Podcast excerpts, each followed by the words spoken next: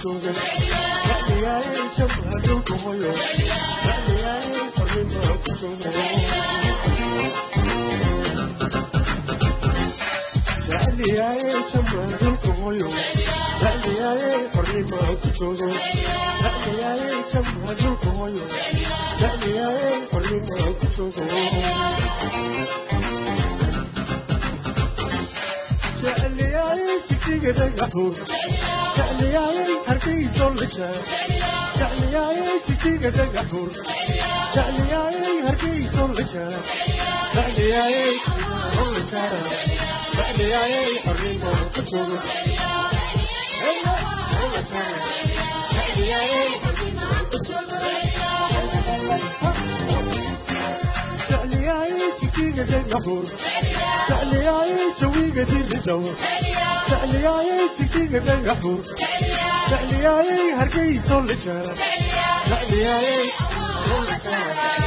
تعليا حبيبي تعليا يا أمار الله تعالى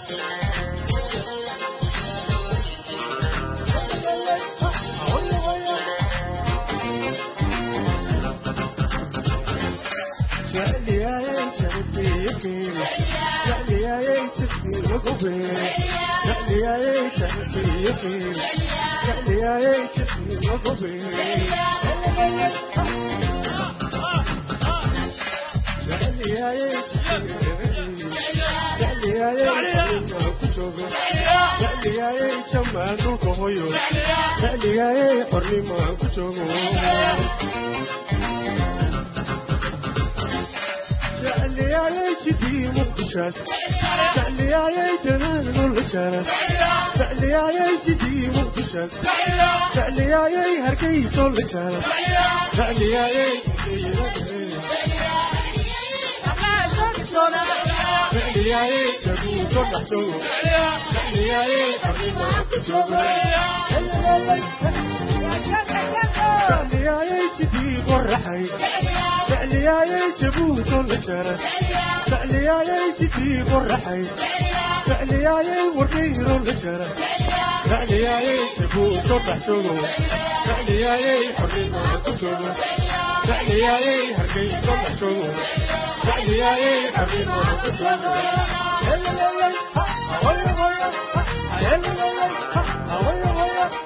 Hello.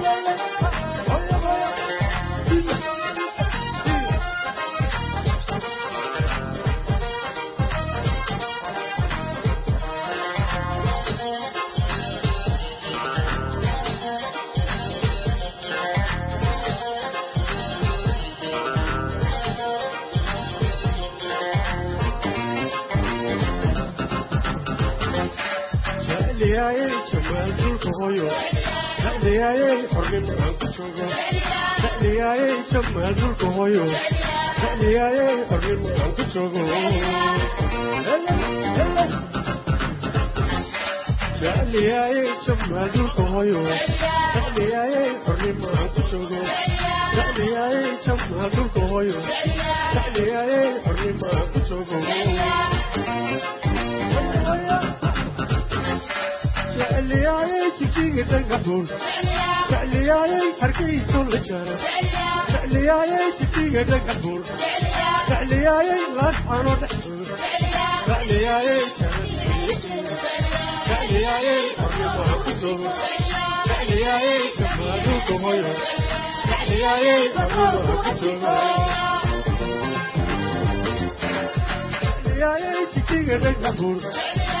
jecliyaaye hargeyso la jaro jecliyaaye jidii qoraxay jecliyaaye wadhiino la jaro jecliyaaye jamaa dhulka hoyo jecliyaaye xornimaa ku joogo jecliyaaye jamaa dhulka joogo hoyo hoyo intii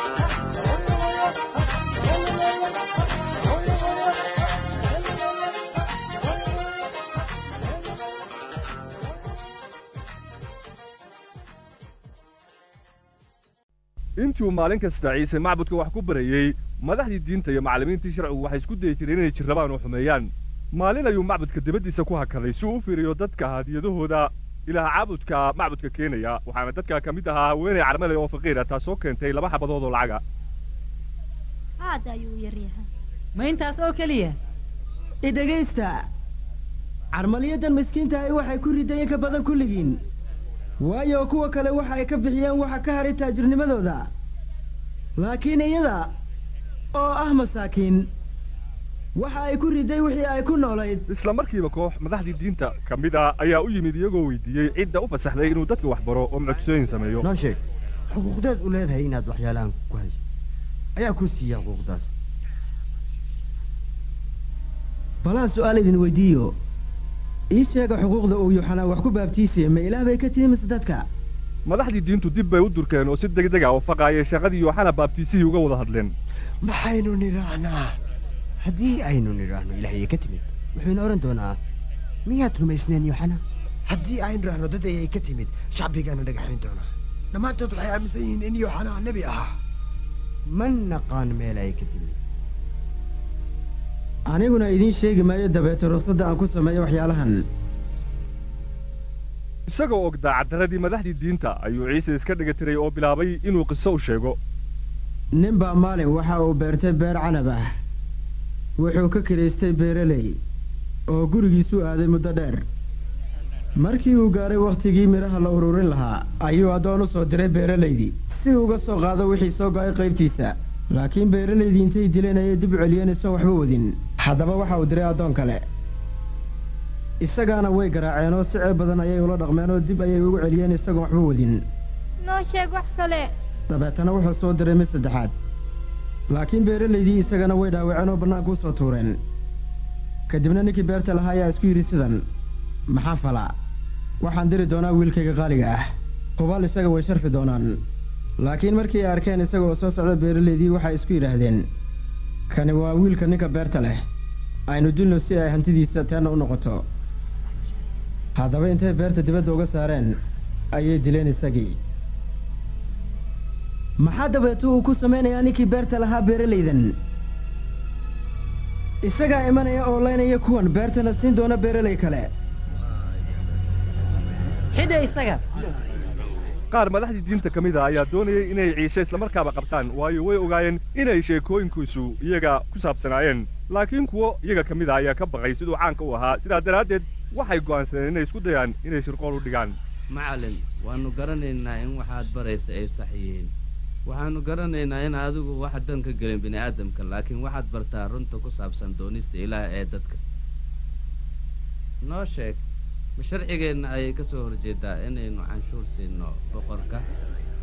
Yuhuudda badankeedu way nabcayeen taliyayaashii roomaanka ahaa ee magaaladooda haystay. Waxay rumaysnaayeen inay sharcigooda diinta ka soo horjeeday in lacag kaysara siiyo laakiin haddii uu ciise arrintan dadka badankiisu rumaysnaayeen si cad u taageeri lahaa. Waxaa isaga lagu eedayn lahaa fallaaganimo oo madaxdii roomaanka ayaa loo dhiibi lahaa laakiinse ciise isla markiiba wuu ka jawaabay. Ka taxadara biyo wuxuu doon inuu qaacimo. Ii dhiib hal diinaar oo lacag ah kumaa magac ahaan iyo muuqaal ahaan ku qoran haddaba u geeya kaysar wixii kaysar leeyahay. Ilaahna siiya wuxuu leeyahay. Taas maxaad kaga jaabi lahayd? Madaxdii diintu way la yaabeen ereyadii ciise laakiinse waxay weli ka sii shaqaynayeen sidii isaga loo dili lahaa. Ujeeddadoodiina waxaa u filiyey mid xertii ciise ka mid ahaa. Shaydaan ayaa galay yuuda iskariyot wuxuuna si qarsoodiila ula kulmay madaxdii diinta oo wuxuu oggolaaday inuu ciise ku soo gacan geliyo soddon xabadood oo lacaga waxay ahayd wakhtigii ay yuhuuddu u dabaaldegayeen iiddi kormaridda butros iyo yooxana oo ahaa xertiisa kuwii isaga u dhowaa ayaa loo diray inay lax keenaan oo ay cuntada diyaargareeyaan dabadeedna ciise iyo laba-iyo tobankii xerta ah waxay fadhiisteen qol weyn oo dabaqa sare ee gurigay joogeen ku yaallay oo cuntadii bay bilaabeen waxaan aad u doonayey inaan idinla cuno cuntadan kormaridda inta aanan silcin waxaan idin sheegayaa inaanan mar kale cuni doonin ilaa macnaheeda u buuxa laga bixiyo boqortooyadii ilaah cuntada lafteedu xaflad muhiima bay ahayd waayo waxay israa'iiliyiinta xusuusanaysay markii laga soo furtay addoonsigii masar muddo kun sanno ka hor ahayd. Waxay kaloo sii sheegaysay bixinta mustaqbalka ee uu keenayay masiixii muddada badan la sugayey kaasoo dembiyadooda saamixi doona oo aasaasi doona boqortooyadiisa markii ay cuntada bilaabeen ayaa ciise xoogaa rootiga qaaday oo tukaday. Waxaa barakadaysan adiga rabbiga ilaahayaga ah boqorka dunida. Kan kibis inaga siiya dhulka. Kani waa jidhkayga oo idinka laydin siiyey. Tan u si ii xasuusataan. Ciise rootigii ayuu kala jebiyey oo siiyey mid kastoo xertiisa ka mid a dabadeedna wuxuu siiyey koob khamri ah oo mid kastaa ka baday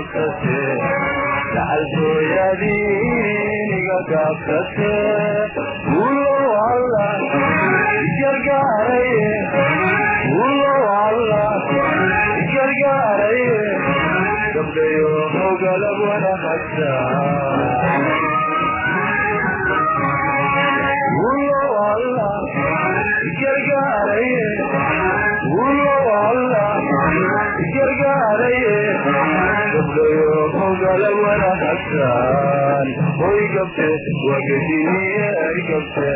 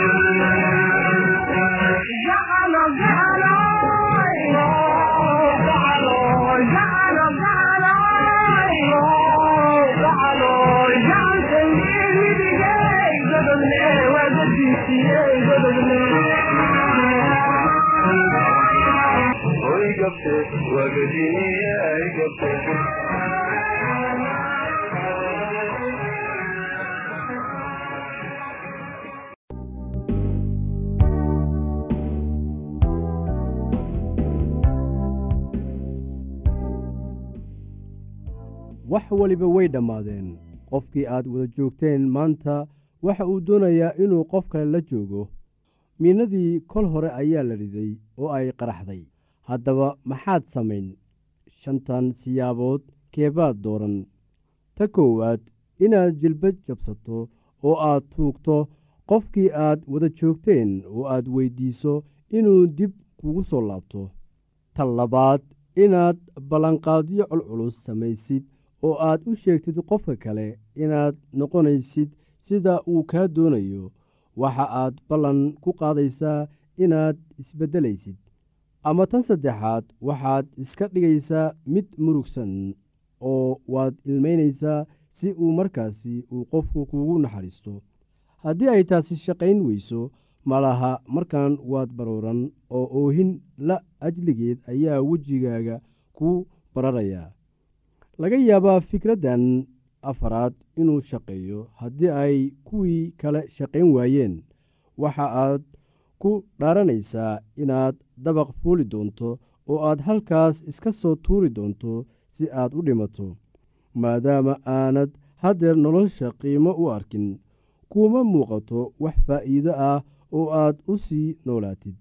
Bal eeg fikraddan shanaad uga mahadnaq qofkii aad wada joogteen wakhtigii aad wada qaybsateen kadibna kala dhaqaaqa oo mid waliba guri gaar ah ha ku noolaado. Aalaa qofka la furay marka waxa uu dareemayaa xanuun oo caro la ajligeed ayaa waxa uu u horarayaa qofkii kale. Waxa uu sidaa u samaynayaa inuu ishilmaansiiyo xanuunka furitaanka. Adiga laftaada waxaa dhici karta inaad andacootid oo aad qofkii caysid oo aad tustid sida uu xayawaan ama nacas u ahaa markii ugu horraysay ee aad wada kulmayseen iyo siday u wanaagsanaan lahayd haddii aad iska furi lahayd waa hore. Waxaa jira wax qalbiga qofka ku jira laakiin marnaba uusan afka ka odhanaynin laakiin waxa uu ku haysanayaa maskaxda. Waxa uu is odhan karaa isaga weeye midka aan i doonaynin laakiin aniga weli waan doonayaa. Marka warku ku saabsan waxa aad adigu tahay faafo. Cid ku rabaysa ma jirto. Maadaama aad aniga diidday waxa aan isku taxallujinayaa inaan arko adiguna inaanay cid ku rabin. Mararka qaar ka aargoosashada noocan ah ayaa waxa ay u dhacdaa si cad oo weerar ah. Markii uu cumar furay sacdiya waxay ku tidhi isaga iyada oo qaylinaysa inaad sidan samayn weligay waan ogaa markii hore ayaan qalad sameeyey maba ahayn inaan ku guursado. Inaad qofka waxyeelaysaad jeceshahay sow ma ahan. Marar badan ayaad ii waxyeelaysay oo aan xitaa tiradoodu xusuusan laakiin marka aad ii dhammaysay wax walbaan ku siiyey oo wax walbaan kuu sameeyey. Bal haddana fiiri sidaad iila dhaqmaysid. Allah haddii aan sidaan ogaan lahaa markii horeba weligaa iima aad roonayn mararka qaar marka dareenka xiriirku kor ahaa qofka doonaya furniinka waxa uu ka helayaa qofkii kale jawaab ku salaysan goodin wax isdabamarin iyo xitaa dagaal. Hanjabaad ku saabsan inaad qofka sirtiisa sheegaysid ama aad daraag isticmaalid ku kici doontid ama aad isdili doontid ama waxaad odhan jumladooyin ad adag adiga oo doonaya inaad qofkaasi ku dheganaatid. Mararka qaar qofka la diiday wakhti yarba ha ahaatee waxa uu ku cararayaa inuu xiriir cusub la yeesho qof cusub si uu u soo gudo jacaylkii ka lumay. Iska ilaali inaad qof jeclaatid isla markii lagu furo. Xusuuso haddeer wax waliba oo aad samaysid adiga ayay dushaada tahay waxaana laga yaabaa inaad ku degdegtid xiriirkan. Maxaa wacay? Waxaad doonaysaa inaad buuxisid meeshii bannaanayd. Jacaylka noocaas ah kadib furniinka allah waa mid been ah oo muddo yar gudaheeda ku soo gebagabooba haddii aad ka naxaysid oo aad weli xurmo u haysid qofka bilaabay furniinka waxaa wanaagsan inaad qofkaasi wakhti siiso furniinka dabadii si uu uga fikiro oo bal u eego inuu wax qalad ah sameeyey intii aad xiriir cusub bilaabi lahayd. Wakhti ku filan c oo ka bixi shakiga ku jira maskaxdiisa ama maskaxdeeda. Markan isku day inaad wax wanaajisid waxa aad qofka kale u sheegtaa in isbarashadii aad isbarateen runtii ay aad ugu wanaagsanayd oo aanad fahamsanayn sababta ay u dhammaatay laakiin haddii ay sidaa dhacday aad u rajaynaysid farxad kaamil ah. U xaqiiji qofka inaad weligaa saaxiib la ahaanaysid markii wax waliba la yidhaahdo oo la sameeyo aqbal xaaladda oo u isticmaal sida kugu wanaagsan intii aad isku baabi'in lahayd. Dhegeystayaal ku soo dhowaada idaacaddeenna oo aad xiliyadan oo kale hawada inaga dhegeysan jirteen anigoo ah cabdi maxamed waxaan idin leeyahay dhegeysi suuban. Waxaad barnaamijyadeen maanta ku maqli doontaan heesa iyo waxbarasho caafimaad iyo nolosha qoyska haddii aad qabto wax su'aalaha fadlan inala soo xiriir. Ciwaankeenna waa radio somaly at yahu dt com. Mar labaad ciwaankeenna waa radio somaly at yahu dt com